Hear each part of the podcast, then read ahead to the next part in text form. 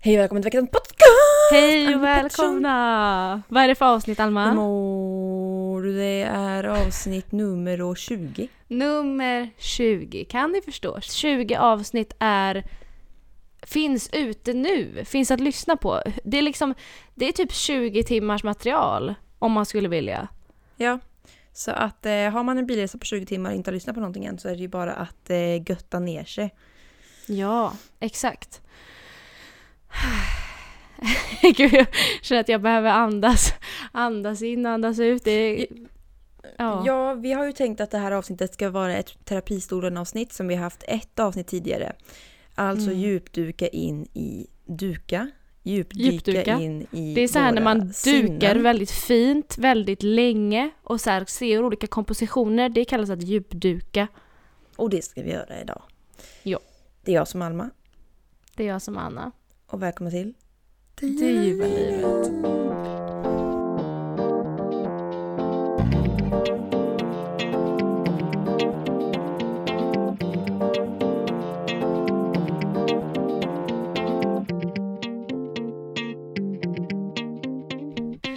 Vi ska alltså danka av ett terapiavsnitt. Si, senior. Det kommer bli tungt, känner jag på mig. Det kommer bli svårt.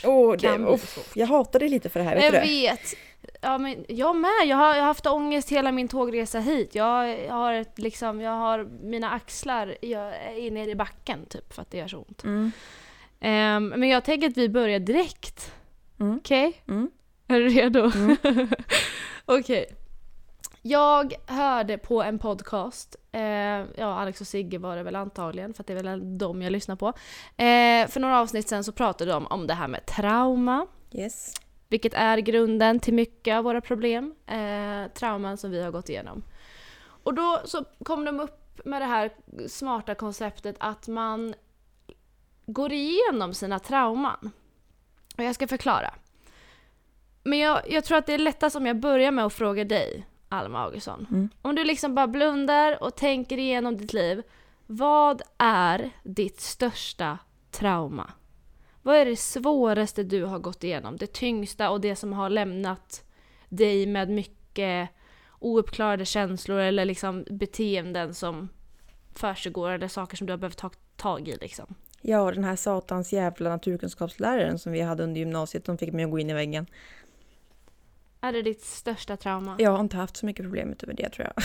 Det var väl där allt Nej. började. Innan det så mådde jag väl prima ballerina skulle jag tro. Ja. Okej, men då är det ändå ganska, ganska nära i tiden. Om man ser liksom dina 20 år utlagt på ett bord. Absolut. Så är det ganska nära i tiden. Eh, och vi pratade väl om det här för några avsnitt sen, men den här naturkunskap, naturkunskapsläraren, kan inte du bara förklara lite kort vad, vad som hände och vem han var? Jag är väl i natur och botten en väldigt eh, överkänslig person och det var väl därför som jag eh, blev så eh, tydligt påverkad av hans budskap.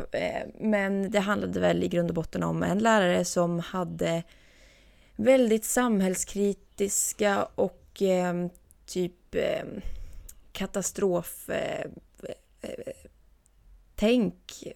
som han utbildade oss i att liksom människan har förstört hela vår Han planet. utövade sin kris på oss liksom. Ja men lite så, alltså så här, det finns ingenting vi kan göra. Han försökte ju ha en underton av att så här, ni ska aldrig ge upp. Men samtidigt så fick han ju oss alla att ge upp. I att liksom jorden kommer gå under, vi har fuckat upp för länge sedan, det är för sent och eh, fan det, det finns inga bra val att göra, typ i princip. Ehm, och eh, det snörades in i min hjärna av någon jävla anledning. Och ända sedan dess så behöver jag än idag gå i terapi. Mm. Jättebra. Ja, för du går, du går ju hos en psykolog. Ja. Mm. Men är det sånt här ni liksom avhandlar under de här timmarna? Ja, ja, alltså det det, ja, det centrerar ju sig kring min existentiella ångest. Det är det jag behöver Mm. hjälp med. Liksom.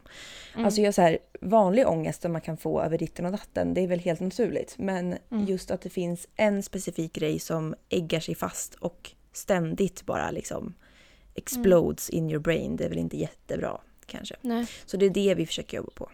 Mm. Så det är ditt största trauma, det som har påverkat ditt liksom mående allra mest? Yes. Ja. Och då kommer ju den här liksom principen då, följ den.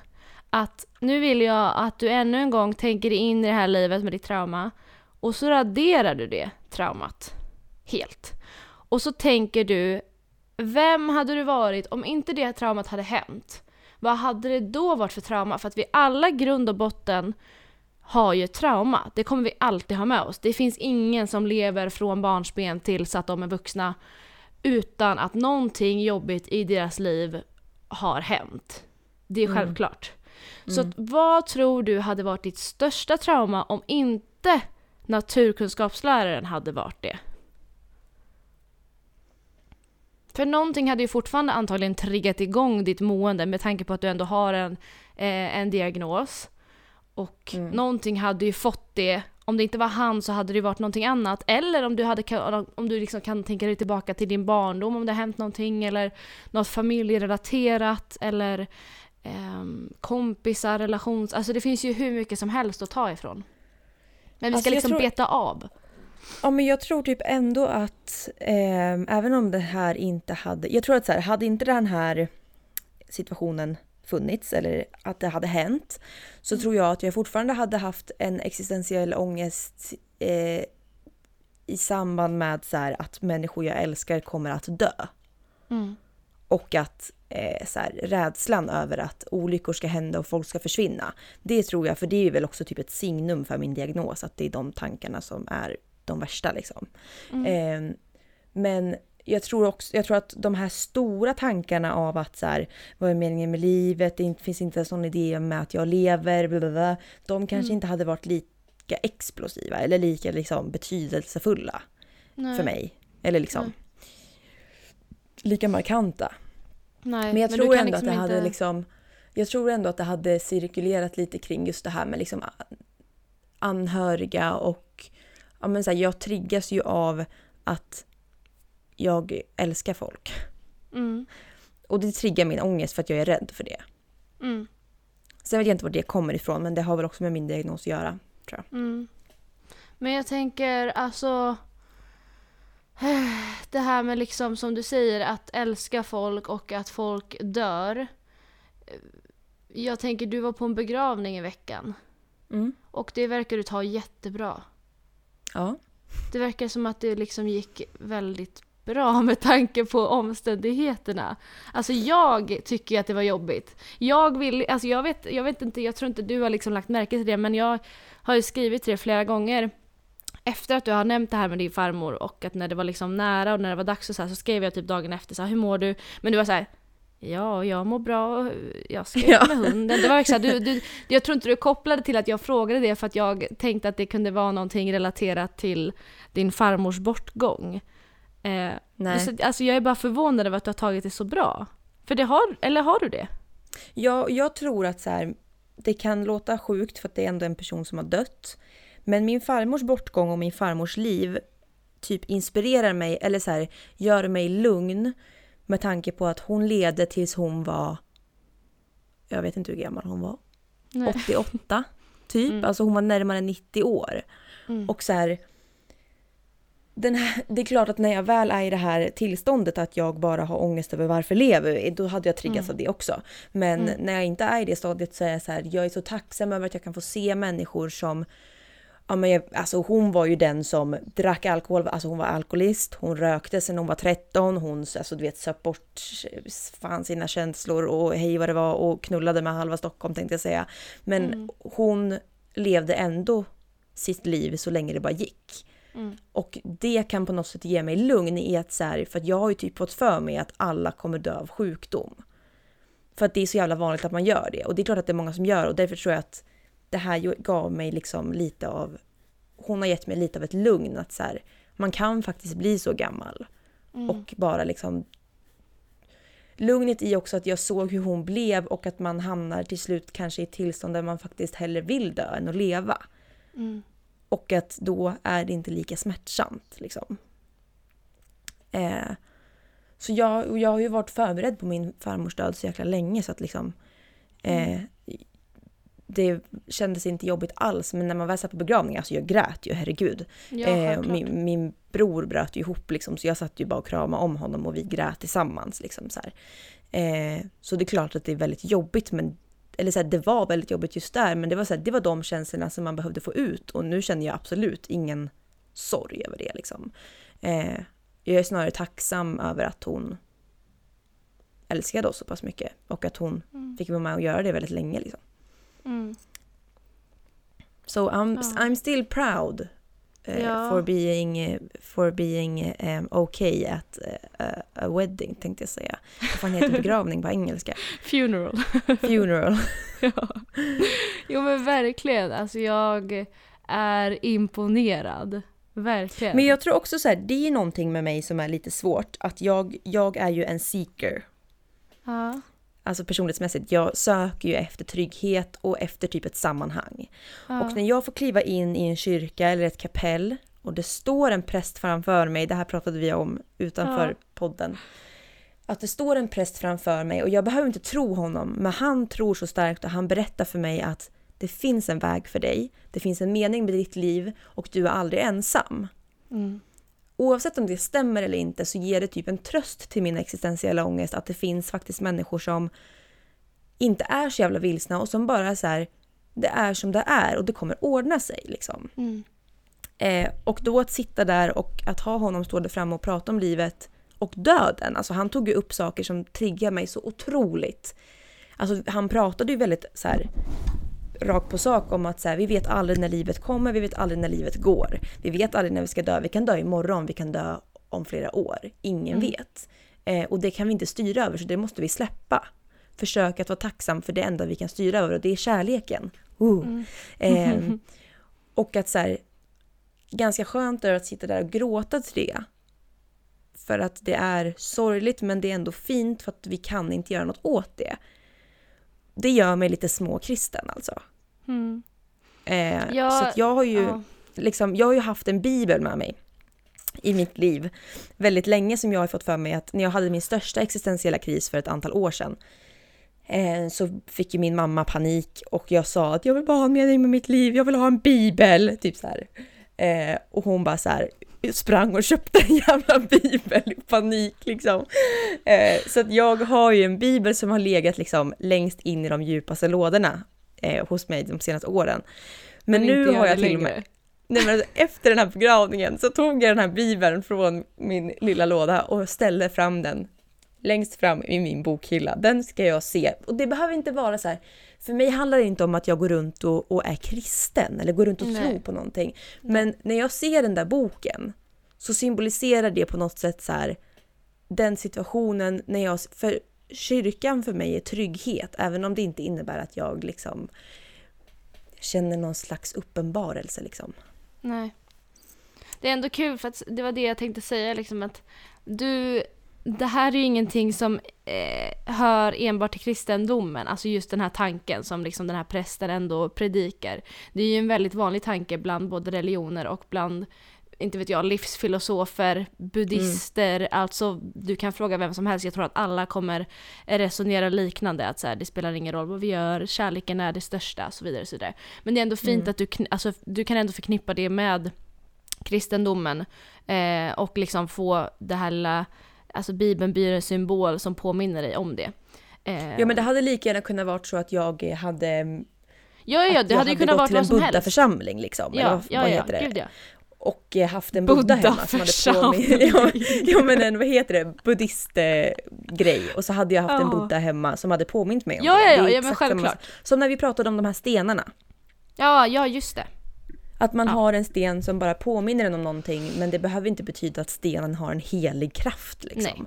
Nej, exakt. Eh, så ja, Men, men det är ju fint att du Sidospår hittade, kanske, men- hittade den.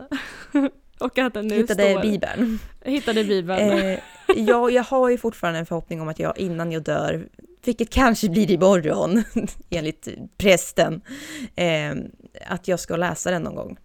Eh, Mm. Jag vet inte riktigt när jag ska få tid med det, när jag blir pensionär kanske. Ja, då har vi alltid i världen. Då kan du och jag sitta, vet du vad, då tar vi oss igenom alla de här stora, ehm, vad heter det, rullarna tänkte jag säga. Okej, men för att återgå lite till det här då. Om, eh, nu har vi liksom ändå gått tillbaka lite i dina trauman. Eh, och det som ändå så fascinerar mig mest, har du inget barndomstrauma? Finns det ingenting som du kan liksom hitta i barndomen som har kommit med dig? Nej, men det är helt otroligt. Alltså jag har ju tänkt på det på senare så här. Fan vad lätt jag har haft det alltså. Ja. Alltså två närvarande föräldrar, jag har alltid haft kompisar, jag har alltid varit typ, kanske inte populär, men jag har alltid varit omtyckt av många. Mm. Jag har alltid haft mormor, morfar, farmor, farfar. Alltså det var skitjobbigt när min farfar gick bort när jag var 12-13 för det är en känslig ålder liksom. Mm. Eh, men det är inget som har ärrat fast sig. Skulle du säga liksom. att det är ett av dina trauman, om inte allt det här, de här två traumorna som vi har pratat om hittills hade eskalerat, jag säga, hade hänt. Hade din farfar varit ett trauma då tror du? Nej, alltså innan, innan det här hände så var det ju ett, långt gap från det att min farfar dog till att det här uppkom. Och det var inte någonting jag ägnade mycket tid åt. Alltså det var väl det såklart när det var färskt liksom. Mm. Eh, men jag tror, jag tror att annars så skulle, gud nu pratar ju jag bara om mig. Ja men det, det gör inget, fortsätt. Du bara intervjuar mig. Ja, Luckrar upp alla lager i själen. ja håller bort Ehm. mina egna. Ja, men lite så. Du flyr liksom. Eh, allt för att det här avsnittet inte ska landa i dig och din ångest. Eh, nej men jag tror faktiskt att min största ångestmoment skulle vara min pappa om det inte hade varit något annat. Jag tänkte på det. Du har ju berättat, jag vet inte om det var eh, i den här podden eller om det var eh, tidigare podd, där du ändå har tagit upp det, hur du såg honom när du var liten liksom, vilken bild du hade av honom Nej då. det är inte det jag tänker på. Nej okej, berätta, vad är det du tänker på? Eh, jo, när, när jag var jag kan bara säga det lite snabbt, när jag var liten så var jag väldigt rädd för min pappa för att han har Ja. väldigt mycket ADHD och kunde bli väldigt, väldigt, väldigt arg. Mm. Eh, men jag är väldigt tacksam över att min pappa är väldigt duktig på att eh, komma tillbaka och be om ursäkt och visa kärlek och känslor och gråta inför mig. Liksom, så här. Mm. Så, att, så att det tror jag absolut inte har suttit några spår så. Eh, men jag har en väldigt, alltså det går inte att jäm, alltså så här, det är klart jag har, otrolig kärlek för båda mina föräldrar. Men det är någonting med just min pappa som gör att, nu kommer det här trigga dig också, Mm. eh, som gör att jag har sån otrolig jävla rädsla för att förlora honom. Mm. För att så här, där är det någonting som... Jag tror att det också handlar om så här, med mamma, och jag vet att det är likadant med din mamma, så har man alltid haft så jävla lätt att så här, genom hela livet så har det varit så tydligt att jag älskar dig och du älskar mig. Mm. Eh, och att det är ingenting man... Alltså det, det, det är så... Det är så självklart redan, för det, det har funnits med sedan man var liten och det har alltid varit så här väldigt yttrat. Alltså det har alltid... Ja, det har alltid sagts högt liksom. Ja, exakt. Ehm, men kärleken till sin pappa är ju liksom en kärlek som också är ens första kärlek som är större än någonting annat. Men det, är liksom, det har liksom inte varit lika öppet alltid. Nu är min pappa väldigt bra jämfört med din pappa till exempel. Mm. På att säga det. Mm. Eh, men samtidigt så är det liksom lite distanserat. Du förstår Mm. vad jag menar? Ja, ja. att man vet så tydligt att så här, hur mycket man älskar varandra men man pratar liksom inte om det. Man visar det på sina sätt Mm. såklart hela tiden. Ehm, men jag vet inte, det är någonting med den rädslan liksom. På något sätt också så här rädslan av att ha flyttat. Nu har ju du flyttat närmare din pappa så för dig så borde det ändå Mm. kännas lite bättre i och med det. Mm. Men för mig så är det så här första gången att ha flyttat ifrån min pappa och bli så här hur mycket kontakt kommer jag ha med honom? Det är ju såklart upp till mig också, men att det blir Mm. liksom en rädsla i det att så här, är vår tid över nu? Lite Mm. så. Eh, det ägnar jag inte jättemycket tid åt, men nu när jag väl tänker på det så blir jag väldigt berörd liksom. Mm. Ja gud, jag blir jätteberörd. Alltså tårarna ligger i tårkanalen och väntar känner jag. samma här. Du ser det håller på och Ja. luckra upp lite. Eh, men jag tror att det är vanligt att man känner så, att det alltid kanske finns en förälder som man aldrig riktigt kommer åt.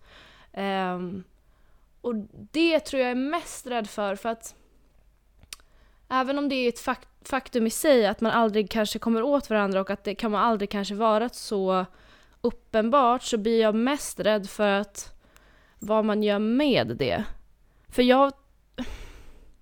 Kommer man liksom söka upp den själv? Kommer man ta tag, alltså är det jag som kommer behöva ta tag i det en dag för att få det sagt? Förstår du vad jag menar? Eller kommer, Mm. din, alltså kommer den här föräldern själv sträcka ut en hand och bara säga så här, men gud, det här är så fel, vi måste, vi måste börja uttrycka oss, vi måste börja innan det är för sent liksom. Mm. Alltså förstår du hur jag tänker? Att jag är inte jag rädd för, alltså det, jag tror att det är ganska vanligt som sagt att det alltid är någon förälder som man känner lite mer distans till. Men att det är just så här, vad man gör med det. För jag är så rädd att den dagen när din eller min pappa inte finns längre så ska man stå där och så har man alla de här känslorna kvar. Och så ångrar man då att man aldrig gjorde någonting av det.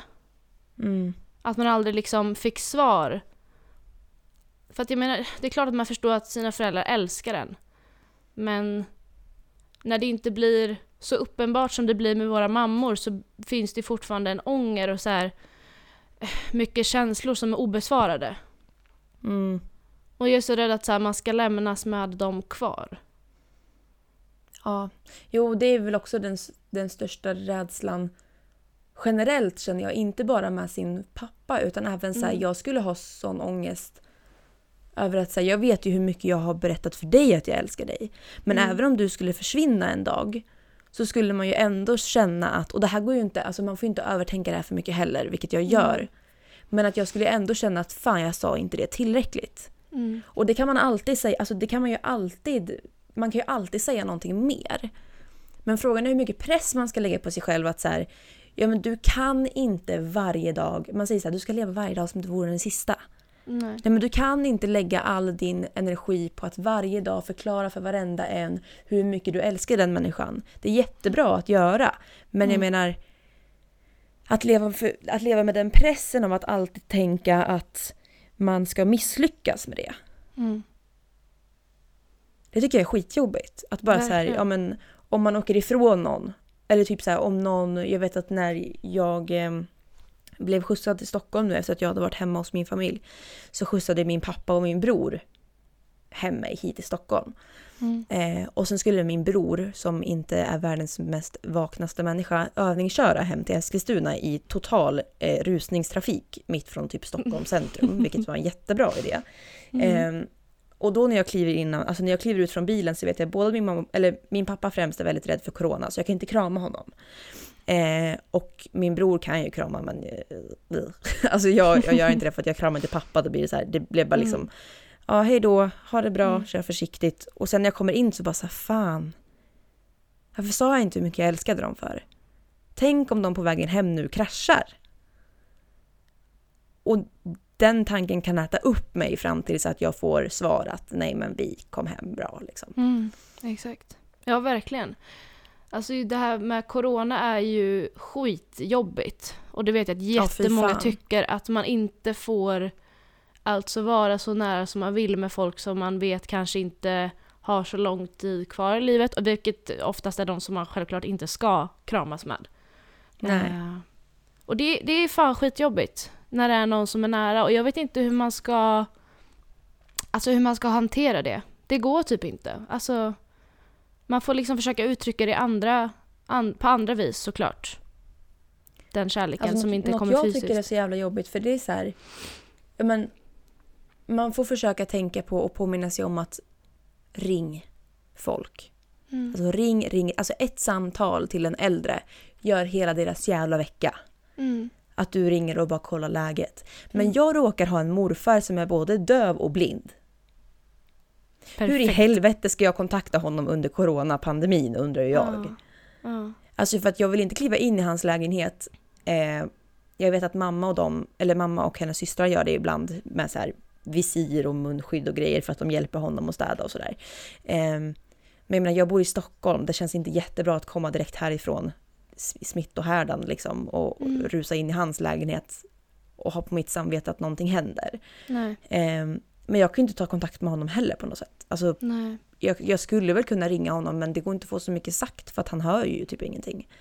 Men hur känner du inför det? Alltså just här, för du har ju ändå mormor och morfar kvar i livet. Ja. Och de är väl relativt friska. Ja, din morfar eh, liksom har ju sina handikapp eller vad man ska kalla det. Eh, Ja. Med syn och sådär. Men alltså hur känner du inför det? För det är ändå... Nu, särskilt nu när du har flyttat också och har en alltså, distans till dem på ett annat vis. Alltså min morfar har jag aldrig haft någon så väldigt nära relation med. Eh, det har alltid varit ganska så här. Jag älskar min morfar. Jag tycker att han är, alltså han är ju jätte... Alltså han är ju min morfar liksom. Mm. Eh, Men vi har aldrig varit jättenära så. Och träffats speciellt ofta. Han är också sån som han blir väldigt trött väldigt snabbt och han är väldigt nöjd med sitt liv. Så han säger om, om vi frågar om vi kan komma över, nej men eh, hem, vad heter det? Matkassen kommer så jag är lite upptagen. Du vet, så här, han, han, han tycker att hans små livshändelser är väldigt stora och det räcker för honom. Mm. Så det är jag väldigt tacksam över att så här, det känns inte som att han är en av de äldre som liksom mår dåligt i att vara ensam. Nej. Sen vet man ju inte, men... eh, Men... eh, Ja, jag vet inte det. Alltså, min mormor har jag ju mer så över att jag känner liksom att, för hon är ju sjuk också. Mm. Även fast hon är väldigt frisk, eller så här, väldigt pigg, så har hon också cancer. Mm. Som är liksom just det. eh, obotlig men går att leva med ganska länge. Mm. Eh, så det är också så här, när min mormor går bort så kommer ju det vara otroligt jobbigt. Mm. tror jag. Men att morfar skulle gå bort, det kan jag inte placera hur jag skulle reagera på alls. Nej. För att min relation till honom är så pass oklar på något sätt. Mm. Eh, har du, jag vet inte, har du kvar några mor och farföräldrar? Nej. Du har inga kvar? Nej. Vad skönt. Jag har bara, jag, nej. jag har bara haft mormor och morfar i mitt liv. Jag har aldrig träffat min farmor och farfar. Nej. Har jag inte. Så att nej, jag har inga kvar. Men jag är ganska glad över att, eller kan inte du känna så här... När du sitter här nu och pratar om de här sakerna, kan du Mm. finna ett lugn i att tänka på de grejerna? Och att så här, det är en fin dialog att ha? Mm. Eller får du bara panik? Panik. alltså jag har sån hjärtklappning. Ja, jag har haft det i typ en, kanske 15 minuter. Ja. Alltså jag hatar det här. Det är det värsta tänkbara. Alltså Mm. det här är ju anledningen till att jag all, eller jo, jag kommer söka mig till en väldigt skicklig terapeut en dag. För att jag vet att jag behöver det. Men det här är anledningen till att liksom det här sätter alla käppar i hjulen. Alltså jag, nej men alltså jag är så varm och jag har sån hjärtklappning. Alltså min puls Mm. känns liksom i halsen för att jag Ah, Jag klarar inte av död. Alltså jag gör verkligen inte det. Har det alltid varit så? Ja. Jag tror det. Alltså jag tror sen så här. Den dagen jag upptäckte att mina föräldrar var äldre än alla andras så tror jag att jag har haft dödsångest. Ja. Och det upptäcker man ju ganska tidigt. Ganska snart. Mm. Ehm, och just det här med att så här, ja men folk, alltså inte bara det men i och med att man är äldre föräldrar så blir det också det här att mina mor och farföräldrar är mycket äldre. Jag har inte ens träffat mina, min farmor och farfar som sagt och mormor levde, alltså hon gick bort när jag var sju år, sju, åtta år tror jag. Mm. Eh, och morfar då, ja, han var den som levde längst men tills jag var 16 eller något sånt där. Ehm, men det, ugh, det sätter sina spår liksom. Att, och jag tror också det här med att döden är lika med ensamhet för mig. Ja.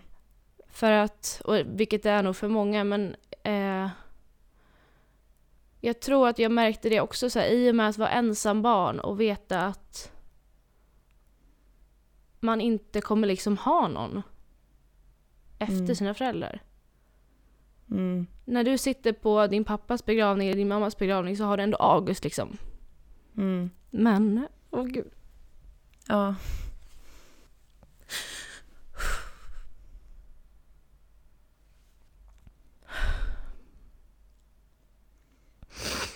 Jag kommer liksom inte ha någon.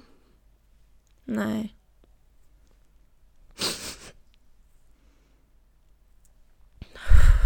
Och det är liksom det som är skitjobbigt. Mm. Ja, men jag tror att det också är så här, för jag tror att det är så jävla vanligt att så här, den största rädslan varje människa har egentligen är väl att bli ensam. Ja. Alltså det är det läskigaste som finns. Och att så här, jag förstår att det blir extra triggande hos dig för att du känner att du har det, alltså för dig så ligger det så pass... Alltså det känns som att det inte ligger så långt bort eftersom att du inte har några syskon till exempel. Mm. Att det blir en extra, extra stark känsla liksom. Mm. Ja, och därför För kan jag typ bli så arg liksom på, eller arg, men jag kan bli irriterad på folk som tar syskon för givet. Ja.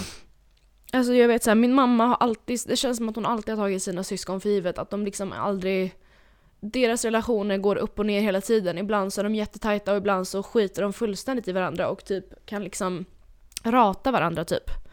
Mm. Men alltså de kommer ändå alltid ha varandra och alltså det kommer man alltid ha. Alltså sen, alltså självklart att man kan ha dåliga relationer till sina syskon, det förstår jag också. Att man, den enda anledningen man kanske möts är när någon går bort i familjen, när någon gifter sig eller vad som helst. Men utöver det så bryr man sig inte om varandra. Det förstår jag att det finns också. Men det är Mm. fortfarande en trygghet att liksom kunna alltså hitta varandra i sorgen. För att Ja. jag menar det spelar ingen roll om jag har hundra vänner som kan, alltså som finns där för mig den dagen. För de, jag kan aldrig sitta liksom och prata om barndomsminnen med dem. Alltså Nej, precis. jag kan aldrig liksom sitta och drömma mig tillbaka och säga åh kommer du ihåg det här och när det här hände eller när han sa det här eller när hon sa det här. Alltså det blir liksom det blir någonting annorlunda så att ja. Ni som har syskon tar dem inte för givet känner jag. Ja. Jag tror att det är Ja, för det jätteviktigt kan jag att man också ändå... känna. Jag har ju alltid, eh, eller väldigt länge, stört mig väldigt mycket på min bror. ja. Och han har stört sig väldigt mycket på mig. Vi har ju inte haft en, vi har inte haft en så nära relation liksom. Nej.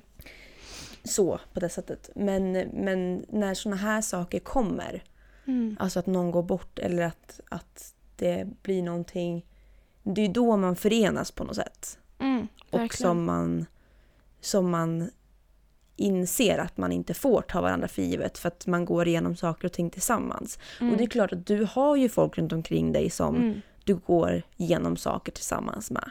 Alltså det har du ju. Mm. Fast jag förstår att det inte blir lika tydligt. Och det blir inte lika självklart. Nej.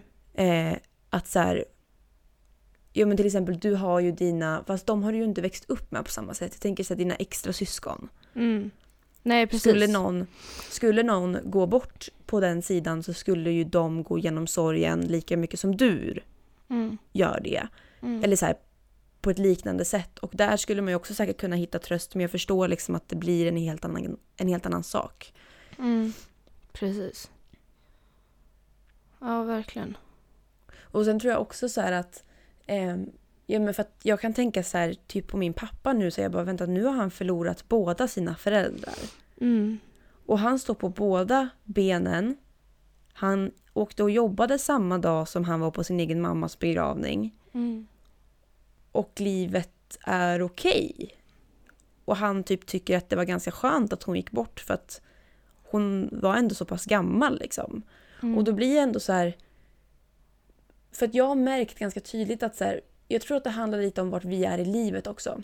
Mm. Man känner sig så jävla ensam i livet på något sätt. Mm. Och att man precis har flyttat hemifrån. Som du, du bor själv. Man ska liksom hitta sig i ett nytt sammanhang. Och i hela den grejen så blir det ännu tydligare att så här, här står jag Mm. i en annan stad. Och om någon dör, ja men då är jag här själv. Mm. Men att så här, jag har också märkt att i samband med att ja, men jag flyttade ändå in med en kompis och vi har en hund här och jag har min pojkvän. Så har jag typ min rädsla för att sådana saker ska hända förminskats. Mm. För att jag känner att så här, jag har ett sammanhang och jag har en familj utöver mina föräldrar. Mm. Ehm, och jag tänker att det för mig blev lite av en tröst för att där, vare sig vi vill det eller inte så kommer vi ju säkert få en, en egen familj framöver. Mm. Vare sig vi vill det eller inte. Vill man det inte så får man väl inte det. Men alltså, vi kommer väl förhoppningsvis båda två ha en partner i framtiden. Mm. Och bilda någon typ av familj, om det så är barn eller om det är hundar eller om det är katter eller vad som helst. Mm. Och att jag tror att där kan man, jag tror absolut att man kan hitta samma trygghet som man kanske har saknat innan. Mm. Eller som kan ersätta den tryggheten som man kände av att vara barn. Liksom. Mm. För jag tror att det är det som är det läskigaste, att man ska bli lämnad själv i en situation där man är ensam. Mm. Men om du ser dig själv om typ eh, tio år, då är du 30. Mm. Vart är du då? Oj. 30, ja jag vet inte. Jag bor väl någonstans i någon lägenhet. Kanske så här, har inga barn. Tror jag inte. Ehm. ja, alltså jag tror att så här, tyvärr så ligger jättemycket av mitt fokus på jobb. Så att det, Mm. ja, jobba med någonting som jag tycker är kul och som jag har jobbat mycket, alltså så här för att tagit mig dit, har, eller ja, kanske landat där någonstans liksom i vad jag vill göra och sådär. Ja men det är också så här, om, det är ju inte helt omöjligt att du om tio år har hittat någon typ av partner. Nej. Att så här, med tiden så kommer man ju hitta sitt egna sammanhang. Jo, självklart. Men... Som jag tror att man får, jag fattar ju att det går inte att ersätta. Nej, men jag förstår vad du menar. Men jag tror att det blir så här att när ens föräldrar liksom väl är borta så tror jag att det blir ett... Det blir liksom slut på ett kapitel någonstans. Mm. Vilket är det som är absolut mest obehagligt. Att liksom Mm. där tar... Då är man inte längre någons barn. Det är klart att man kommer Nej. vara det hela tiden, självklart. Men det liksom avslutas ju där och det känns som att allting som då har hänt fram tills, alltså upp till den situationen måste man lämna bakom sig typ. Eller måste man ha så avklarat. Det måste Ja. vara bearbetat tills dess. För Mm. annars så tror jag att man kommer bli fullkomligt dränerad typ. Om man inte har gjort det. Ja men för det vet jag som typ min pappa som exempel, när hans pappa gick bort, alltså min farfar då. Då var ju pappa helt oförstörd, alltså panikångest, alltså allt vad det var. Mm. Ehm, För där var det ett kapitel som inte var färdigskrivet. Och ett kapitel där man inte hade pratat öppet om att man, eller han hade inte ens fått höra från sin pappa någonsin att jag älskar dig liksom. Mm. Eh, och att så här, de hade väl sin humor och det var deras sätt. Men det var Mm. inte så mycket mer. Nej. Även om hans pappa var den mest viktiga personen i hans liv. Så blev ju det liksom en stor sorg att inte, få hin- att inte hinna liksom få allting sagt. Mm. Och där var det ju stor skillnad tills mot idag. Där han har hunnit se sin mamma bli svagare och svagare och hunnit på väldigt lång tid att förklara sin kärlek för henne. Eh, och där påverkar hennes död honom nästan inte alls. Det är klart att det påverkar men jag tror att det är som du säger liksom att det är där den stora, alltså att man måste ha fått bearbeta det för att det ska gå så lätt som möjligt liksom. Mm. Ja, och då, det är därför så jag känner den här viljan av att hela tiden vilja alltså, ta tag i det och verkligen få det avklarat redan nu. Även fast det kanske är liksom långt för tidigt. För att jag menar, förhoppningsvis så lever ju båda våra föräldrar eh, betydligt flera år framåt. Om det inte händer Mm. någonting såklart. Men det är ju därför man liksom redan nu vill, när man själv går in i det här livet och börjar långsamt lämna dem så känner man ju liksom ett större behov av att faktiskt få saker sagda och faktiskt få saker ur världen liksom. Jo men det är också så här. Vad är det som hindrar dig från att ta det nu? Men åh, det är ju det här jag, alltså jag menar, jag kan knappt prata om det här. Jag vet liksom inte hur jag ska uttrycka det. Jag har skrivit brev, jag har så många utkast. Jag har så mycket liksom skrivet, men jag kommer aldrig dit. För att det är ett för stort steg och det är därför jag inser att så här, jag behöver ju hjälp. Av, alltså, Ja, jag behöver ju liksom psykisk hjälp för att kunna ta det steget själv. Ehm, så att det är klart att jag är på väg. Och jag bearbetar väl på egen hand hela tiden men ja. Jag behöver Ja, men det är liksom samtidigt söka... någonting som man kanske inte... Du har ju hållit på och tänkt på det här så jävla länge och det är nog inte någonting man kan göra själv. Nej. För att det blir för tungt och antingen så får du göra det med den personen det gäller, vilket för dig känns som ett kanske för stort steg Mm. att göra på en gång och då kanske man... Jag tror verkligen att du skulle behöva liksom Mm. ta det här med någon och försöka bearbeta det på ett sätt liksom. Ja, verkligen.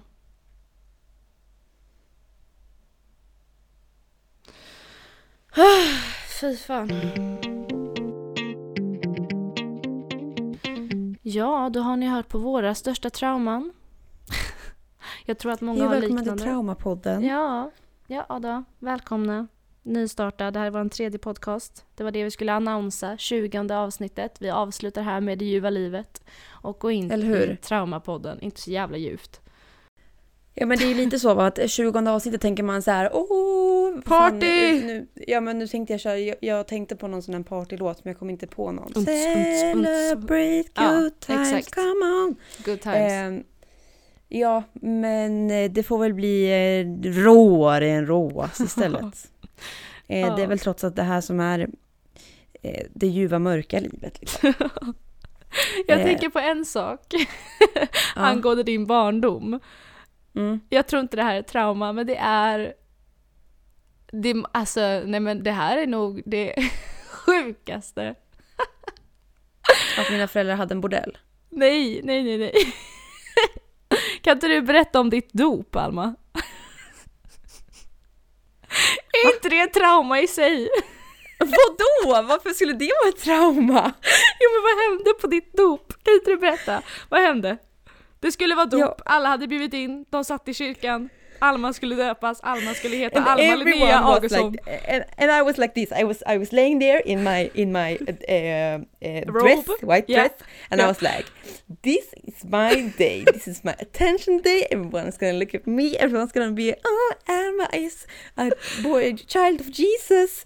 Yeah. Uh, and then Från Gud har de this kommit. song fucking plays. How does it sound?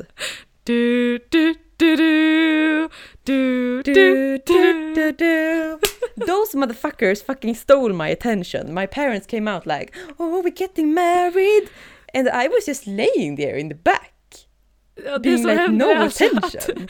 Almas dop ska äga rum, men istället så väljer dina föräldrar att annonsa ett bröllop och pang på, där kommer man ut i vit dress.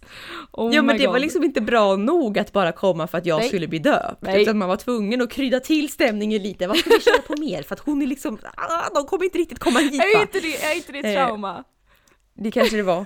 Det är inget Jag jag, tror- har reflekterat över. Men... Jag tror att ikväll när du lägger huvudet på kudden så kommer det liksom ett mörker över dig och så kommer du inse att all, all, allting baserat enbart på att dina föräldrar stal din dopdag. Men det är kanske är därför jag är så uppmärksamhetskrävande som person också. För att jag fick tror det. inte det Jag tror den det. dagen i livet Exakt. där allt skulle fokusera på mig. Exakt. Så bara var det någon jävel som bara mm, Now bitch, I take it! Så att eh, ja, jag har fortfarande, än idag har jag inte fått en dag som tillägnats mig. liksom. Exakt, exakt. Jag menar på mina födelsedagar, vem har jag fått fira där? Jo, min kusin. Ja. För man fick ju inte, inte skulle man fira Alma själv, nej. Var man tvungen att Nej, kombinera gud, med någon har annan. kommit på det! Jag har kommit på det! Åh. Det här är varför du är som... Det är det här jag menar, det är det här som är ett trauma. Någonting som har hänt in the past som har påverkat dig som person och kommer påverka dig livet ut. Det är ju det här! Det var ju så jävla kul för att jag lyssnade på um, JLCs podd. Jag har Oj. börjat lyssna jättemycket på Ja, dem, mellan himmel och jord. Det är så jävla kul. Eh, och så tog de in en tjej som jobbade som så här typ drömterapeut typ. Eller det hette någonting så här. Hon analyserade drömmar och med terapi och skit. Mm. Eh, och så skulle de då, eh, Lukas Simonsson då berätta om eh, ett traum, eller en dröm som han har återkommande och han ville liksom veta så här, var kommer den här drömmen ifrån. Mm. Då är det alltså en dröm som han har drömt i typ så sex års tid.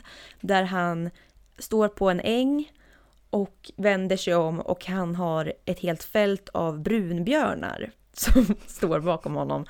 Och han börjar springa Och de här brun- brunbjörnarna springer efter honom och han springer saktare och saktare och till slut så kommer de ikapp och dödar honom och han Mm. vaknar. Eh, Och han vaknar alltid i panik och svettas och så vidare. Och hon kommer då fram till, eller de kommer fram till i slutet att den här, det här traumat startade i att när Lukas var typ så här sju år gammal Mm. så, så lekte hans pappa med honom och skulle skrämma honom genom att låtsas vara en björn. Som kom bakifrån, typ i skogen och bara så här "Mö." eh, och, och, och, och hon kom då fram till att det var ju här det började. Du har ju fobi för björnar. Och Lukas bara, fan jag har ju fobi för björnar. Förstå vad liten grej som vuxen man kan utsätta ett barn för. Som Ja. kan påverka hela deras liv. Det är fan sjukt. Det är det jag menar. Det är det här Jag, menar, ska jag ta som har jobbat på förskola med så här tre, Ja, Hur många orsakat- trauman har inte jag delat ja, ut? Ja, ja. Flera. Nästan diplom Men på jag den. undrar det liksom. Ja. Gud. Jag tänkte, Anna, på tal Ja. om trauman, tänkte Mm. säga.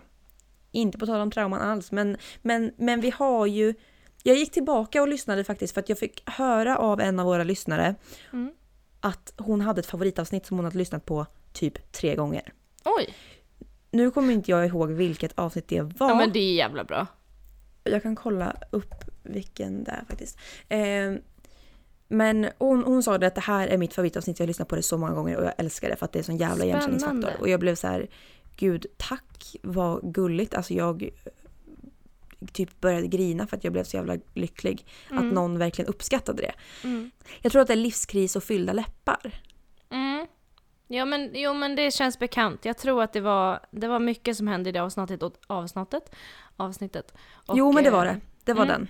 Så avsnitt Eh, nummer 11.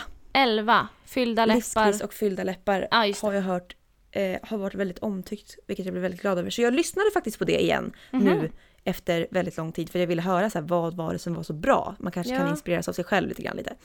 Eh, och då Så vi var vi ju... Ja men då fick jag höra den här gamla goda Anna. Mhm. Som har sån jävla panik över att hon inte vet vad hon vill med sitt liv. Jaha. Eh, och den situationen, alltså över den här paniken över att vad vill jag med mitt liv? Vill jag plugga? Vill jag inte plugga? Vill jag ditten? Vill jag datten? Yes. Och idag har du kommit en bra bit. Mm. Det är ändå Du har 20, flyttat. 10 avsnitt senare. Mm. Men Mm. du har flyttat, du har börjat plugga, du har liksom kommit en bit på vägen. Mm. Men vi har ju alla kommit fram till att din utbildning ger ju inte så mycket, tänkte jag säga. Den ger väldigt mycket men den, det är kanske lite oklart vad den ger. Ja. Eh, det- eller vad den kan ge liksom. Ja, absolut. Eh, absolut. Det är ju en väldigt bred eh, utbildning. Ja. Och då tänker jag så här att vi ska kolla lite här vad Anna Pettersson passar som att faktiskt jobba med i framtiden. Okej, trevligt. För att du är ju lite, du, du kanske fortfarande inte riktigt vet vad du vill. ja. ja. Eller vart du kommer landa helt. Nej, nej men liksom. absolut, absolut. Så därför ska vi göra det här testet då som heter Vad ska du jobba med i framtiden? Som någon stackars lallare på .se. Quizme har gjort. Quiz me. Eh, och det här kan nog vara det värsta quizet jag har sett i hela om, mitt liv. om ni vill ta ett seriöst quiz så kan man ju rekommendera typ student.nu och Arbetsförmedlingen har jättebra quiz. Nej, nej, nej, nej, det är det här vi rekommenderar. Ja, Det ja. är det här vi rekommenderar. Ni kan ju quizza med, er, Okej. med mig menar jag. Kör. Anna, vi Mm. kör. Om du ser en krona som ligger på marken, vad gör du? 1. Hoppar så fort du kan fram och tar kronan, sen springer hem för att vara säker på att ingen snor den, för det är så mycket pengar. 2. Jag skiter i den, jag är så rik ändå. 3. Jag tar upp den och går fram till någon jag tycker ser ut att vara fattig och frågar om den vill ha kronan. Om den inte vill ha den så sparar jag den ändå. Om, alltså en krona, det, det går ju liksom inte att sätta i ett sammanhang. Vad ska jag göra med den? Ingenting. Ja men det var det jag tänkte Då säga, men bättre- hundring kanske hade varit relevant liksom. Ja, hade det varit mer pengar än 50 kronor så hade jag ju behållit dem själv. Men nu när det är en enkrona då hade jag väl tagit... Nej, jag hade skitit i den fullständigt. Herregud. Jag skiter i den. Ja, den får väl ligga där så hoppas jag att någon annan kommer ha nytta av den. Ja. 2. Om någon ställer sig på vägen och ber om lift, vad gör du? 1. Säger okej men det kostar 2000 kronor. 2. Säger okej, men då får du ligga i bakluckan. 3. Jag tutar på den ända tills den flyttar, flyttar på sig och då kör jag efter den och tutar ändå tills den går hem. Nummer 4. Jag säger nej och kör runt den. Nej men det är klart man plockar upp en liftare, men jag skulle aldrig ta betalt. Vadå plockar upp? Är du dum i huvudet? Vadå det är klart man plockar upp en liftare? Det är en jävla främling i din bil. Ja men okej, om det är en man, nej. Om det är en kvinna, absolut. Alla dagar i veckan. Men ja, ja, Okej. men alltså, det finns ju inget svarsalternativ. Det är det som är problemet. Du va? tutar tills den flyttar på sig och kör efter den tills den kommer hela vägen hem. Nej, men säg bara nej då. Ja. Har du ens gjort det här quizet själv? Vet du vad resultatet är? Ja, jag kan avslöja sen vad jag blev. Eh, nummer tre. Om du blev fast på en öde ö i en månad, vad skulle du ta med dig? 1. Elektronik, dator, telefon. Jaha. 2. Badbyxor för bövelen så man kan bada utan bara helvete. 3. Pengar, massa pengar, även om det fanns butiker där eller inte. Alltså är det en öde ö så är det väl obviously inga butiker där. 4. Min säng så man kan sitta bra. Nej men jag skulle ta med mig badbyxor. Jag ser, jag ser ju, jag vet För inte du om kan alla inte bada gör det. naken om du är på en öde ö. Nej men jag ser ni också den här lilla ön, alltså mitt ute i ingenstans med ett palmträd och en, En kokosnöt? palm. Ja, en palm Ja. och sen är det bara sand och så är det blått vatten. Jag har förstått att inte alla ser den ön så att jag blir lite förvånad om inte... Ja. Nej men jag hade tagit badbyxorna, helt klart. Här ska det badas. Yes. Skulle du kunna tänka dig att jobba på restaurang? 1. Nej, det är så många som bara klagar och klagar. 2. Det hade jag kunnat tänka mig om det inte vore för att folk har så mycket saker som om jag vore deras slav. Okej. 3. Ja, jag gillar att hjälpa till, det är så trevligt att ge folk glada. Nej. 4. Inget fel med det, men jag vill bli något mer exklusivt, som en chef. Ja, fyra! Som en chef! Man bara jättebra. Som en mellanchef. Chef. Eh, fem. Om du sitter på bussen och någon pratar högt och skriker, vad gör du? 1. Skriker lite hö- lika högt tillbaka så att den hör och skäms.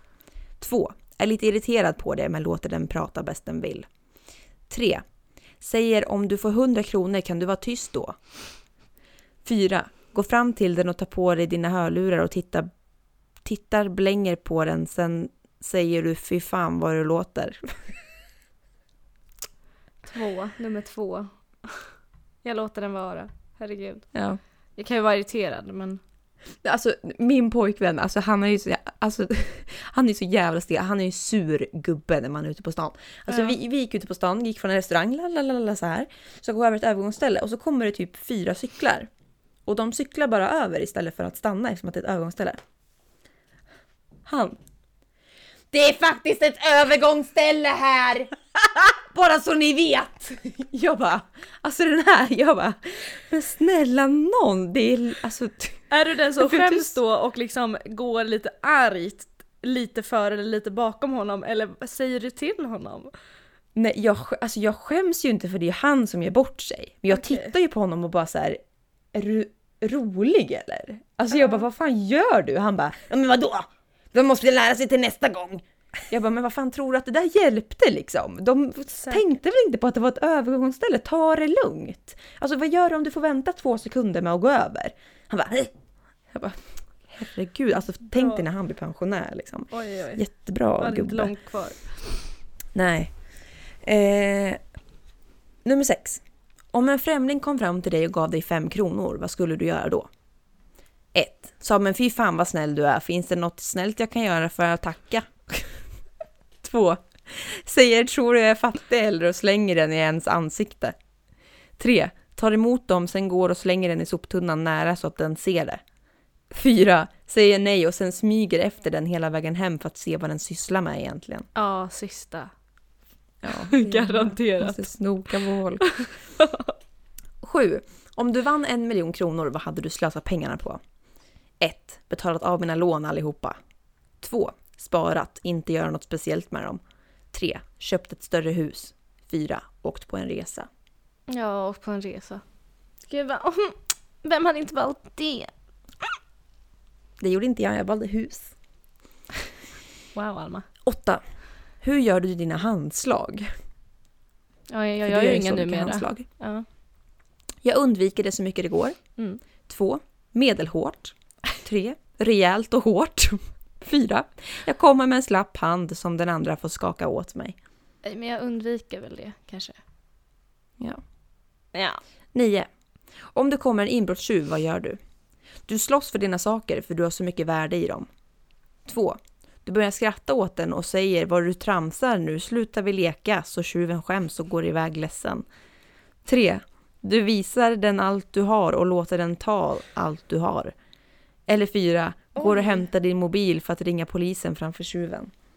Den där, den här sista, är det liksom någon sexuell inbjudning? Jag ser liksom så här, ger dig allt jag har. Eller du Jag tror liksom att du börjar har. duka fram dina dyrbarheter för den här tjuven att ta. Ah, Okej. Ja. Ehm, nej men då, nu slutar vi tramsa. Säger jag till den. Så. Nu slutar vi tramsa. Ja, helt onödigt. Har du fått res- resultatet? Yes. Ja. ja. Ja. Och du blev exakt samma som mig. Det är ju lurendrejeri. Målare. Ja men vi ses väl då. Det är någon riktig jävla bajs som har gjort det här testet Men säger se, jag. vänta, vad ser du för målare framför dig? Alltså en sån som målar hus. Ja, för det finns ju liksom olika målare. Jag såg ju av någon anledning någon som tapetserar. Men Jaha. jag tänker om du gör ut ytan så kan jag göra in, insidan. Och sen så kan vi väl bara starta så här. Eh, det ljuva måleriet eller något sånt där. Kan man väl hyra oss tänker jag. Ja men absolut. Nu när det börjar bli lite knapert framåt i jul, julmånaderna kan vi börja bli tjäna pengar på annat håll. Vi har, vi har ju pratat lite om Onlyfans Alma och jag vet att du är ganska inne på det men jag tänker att det här kanske lite mer harmlöst. Nej men eh, det var väl allt för den här veckan. Nu är det slut på terapipodden. vi är på bra humör igen, vi har jobbat oss upp. Ja, men eller vi, hur? vi Lite lämnar så, det va? här. Vi lämnar det här. Nu är du ju lite, nu är du lite spexig, eller hur? Nu är jag lite spexig, nu när jag fått ut mig, Ja. fått ur alla liksom ånger och sånt där. Hjärtklappningarna har Ja men det kanske var lite skönt sig. att så här, få ut det på lite, alltså lite lagom sådär. Mm, precis. Men vet du vad Alma? Jag tycker vi säger hej då. Och så ses vi senare i veckan. För att jag har ju lovat ett extra avsnitt. Du har ju det. Vi får se hur, hur gött vi hinner med det. Ja. Men absolut. Absolut. Och Eh, det, det är fullproppat med härligheter och lite blandad Action, action. action, skräckblandad förtjusning i ett kompendium tänkte jag säga, i ett, i ett avsnitt proppat. Va? Nu börjar jag prata baklänges. 20 avsnitt är härmed klara och vi ses i det 21 och så fortsätter vi och så planerar vi in någonting jäkligt stort inför 30 avsnittet. Vad Det tycker jag med. Mm. Men eh, hörru, tack ska du ha. Vi säger så, vi hoppas på muntrare stämning nästa vecka. eller nästa avsnitt. Nästa avsnitt. Ehm, ja, då Det blir kan- det fan åka av. Jaha du. Ha det bra. Knäpp fast säkerhetsbälte för nu kör vi. Nu Hej då. kör vi. Vi ses snart. Hej då. Hej då.